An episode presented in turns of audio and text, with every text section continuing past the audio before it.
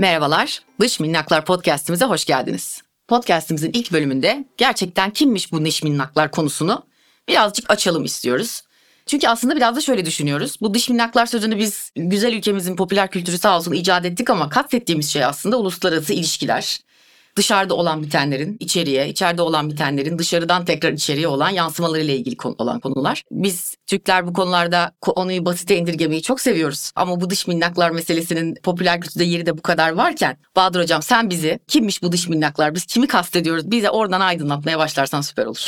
Çok teşekkürler. Ya bu komik bir konu tabii. Yani dış minnaklar, dış minnaklar genelde siyasetçiler ülkede işler iyi gitmiyorken dış etkenleri işaret ederler. Bu iyi bir şeydir. Toplumlar çoğu zaman anlamadıkları veya daha iyi anlatılmayan konuları da kafalarında bir yere koyarlarsa aslında konunun başka boyutları da varmış falan çıkar ama öyle bir tartışılıyor ki bu Türkiye'de bazen Tabii ki uluslararası ilişkiler önemli. Dünyada çok değişik güç odakları var. Bunlar arası ilişkiler değişiyor falan ama sürekli buna bağlamak. Bir karikatür vardı. Sanıyorum Leman'da mıydı? Uykusuzda mıydı? Kahvehane birhane ortamı. Obama gelmiş. Orada işte diğerleriyle falan Obama'ya bir laf anlatıyor birileri. Diyor ki Amerika'yı aslında sen yönetmiyorsun abi diyor. Çok büyük bazı aileler var. Onlar yönetiyor diyor. Obama da eyvah ya vallahi mı kim falan diyor. İşte diyor Açitler var diyor. Illuminati var diyor. İşte Rockefeller var filan.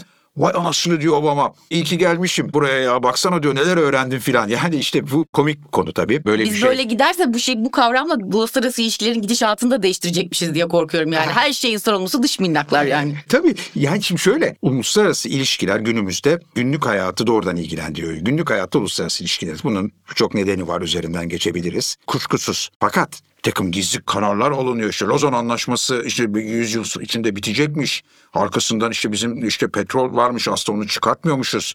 Veya Türk lirası çok değer kaybetmiş. İşte bunun e, nedeni de birileri gelmiş bir yerde Washington'a toplanmışlar, karar almışlar. Şu kişi iktidara bu getirmiş, arkasında bu varmış, o devirmiş. Bunlar gerçekten tabii ki çok yüzeysel konuları anlatmayan. Her tabii bu tip e, böyle hurafede olduğu gibi içinde zaman zaman doğru bir takım veriler oluyor.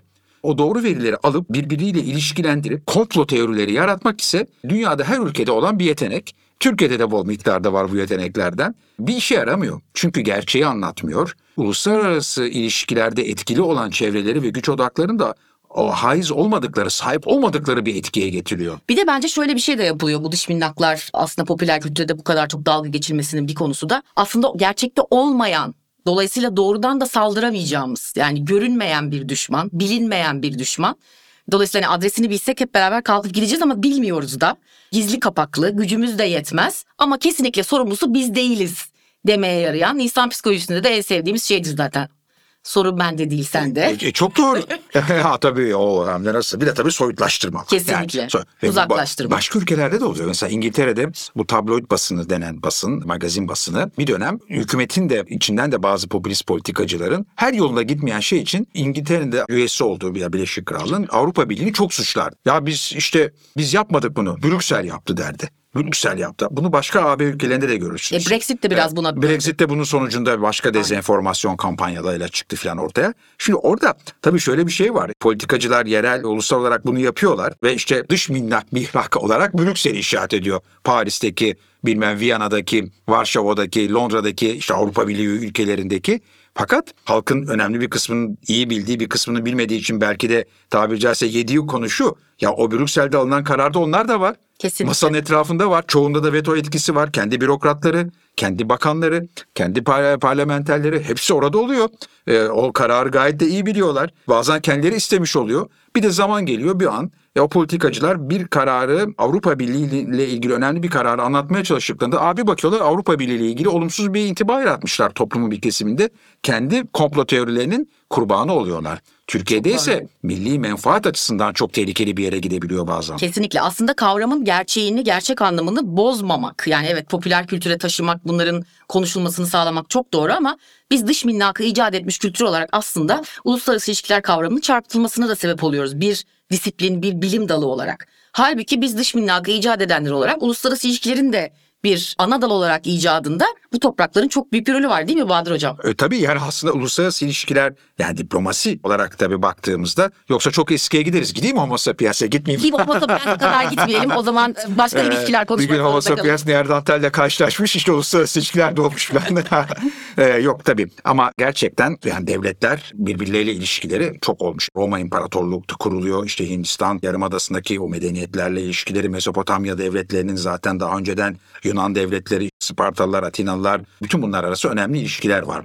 E İşte Orta Asya'daki büyüyen tüm gelişen işte Türkofon e, halkların var. Fakat yani anladığımız anlamda diplomasinin aslında başlangıç noktalarından biri Venedik'in. Venedik o zaman çok önemli bir ticaret merkezi, ekonomik güç e, Akdeniz'de ve e, bu işte 7. yüzyıldan 12. yüzyıla doğru uzanan o çerçevede yavaş yavaş en yakın ilişkide olduğu o zamanki Konstantinopolis'te yani bugünkü İstanbul ile Roma İmparatorluğu'nun başkentiyle yani Bizans diyoruz şimdi ama yani Bizans değil hatta Doğu Roma'da değil kendilerini hep Bizans. Roma İmparatorluğu olarak görmüşler. Romalı onlar. Osmanlı da zaten Osmanlı Sultanı da kendilerini Rum Sultanı olarak Evet, görmüş fetihten sonra. Yani o kavramda ki Roma İmparatorluğu'nun başkenti ve ilk kalıcı yerleşik büyükelçileri e, buraya gönderiyorlar. Yani bugünkü İstanbul'da Venedik büyükelçileri var. Kalıcı olarak yerleşiyorlar bir süre sonra. Sonra da Osmanlı İmparatorluğu nezdinde büyükelçi olmaya devam ediyorlar.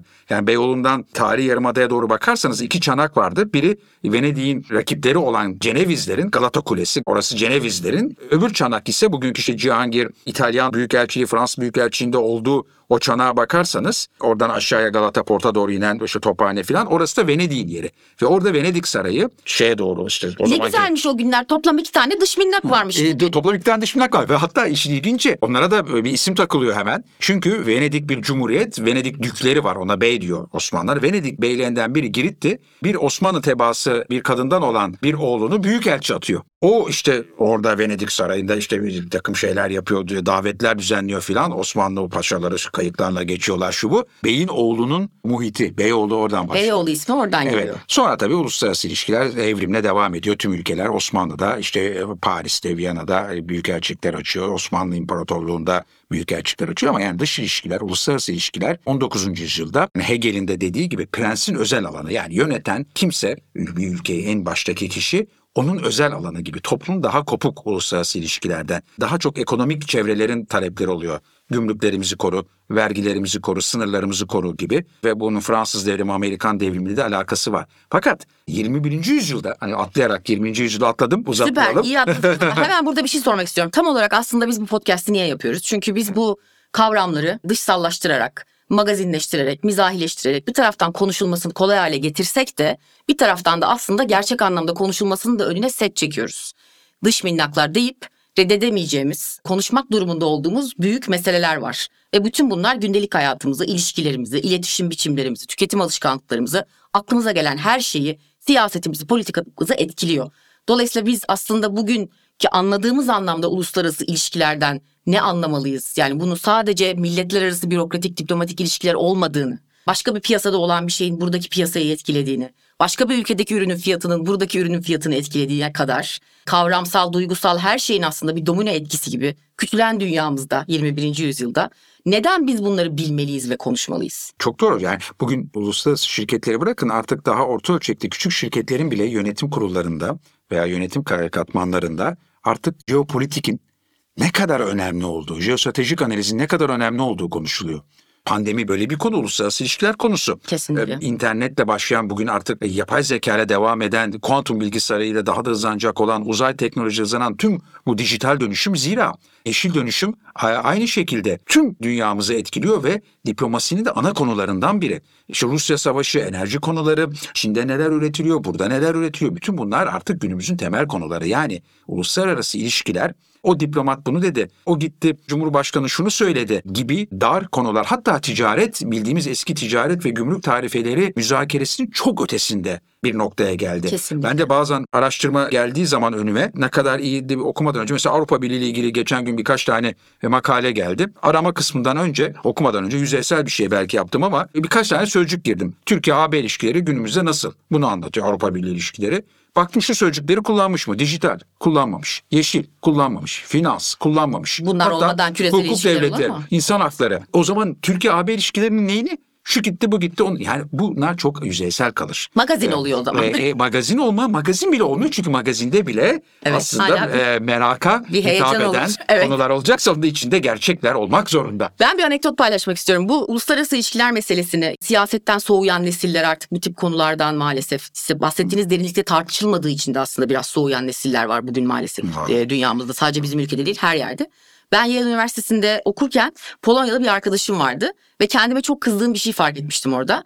Benim bir Türk vatandaşı olarak muhalefet ettiğim bütün konular aslında sistematik olarak Türkiye'den çok önce Polonya'da yaşanmış. Aa, çok ilginç. Ne, ne mesela? Yani hatta şunu söyleyebilirim size. Aynı kitaplar yazılmış. Yani bir ülke diktatörlüğe doğru nasıl gider konusunda. 15 adımda işte yargının bağımsızlığı nasıl yok edilir gibi benzer sistematik şekillerde bunlar farklı ülkelerde pratik edilen yani nasıl demokrasinin bir takım pratik kaideleri var nasıl uygulanacağına dair bir takım kurallar, yöntemler, yordamlar var aslında. E, muhalefet ettiğimiz konuların da kendi içinde sistematikleri var ve biz bu uluslararası ilişkiler kavramına aynen söylediğiniz gibi o dedi bu dediden öte bir yerden bakmadığımız sürece bunları göremeyiz. Bunları göremezsek de bütün bunlar başımıza ilk defa bizim geliyormuş gibi zannedip toplumların psikolojisinde depresyonu daha fazla iten bir şeye sebep. Oysa ki İsrail'de geçen gün yapılan protestoda Türkiye gibi olmak istemiyoruz diye pankart açtılar.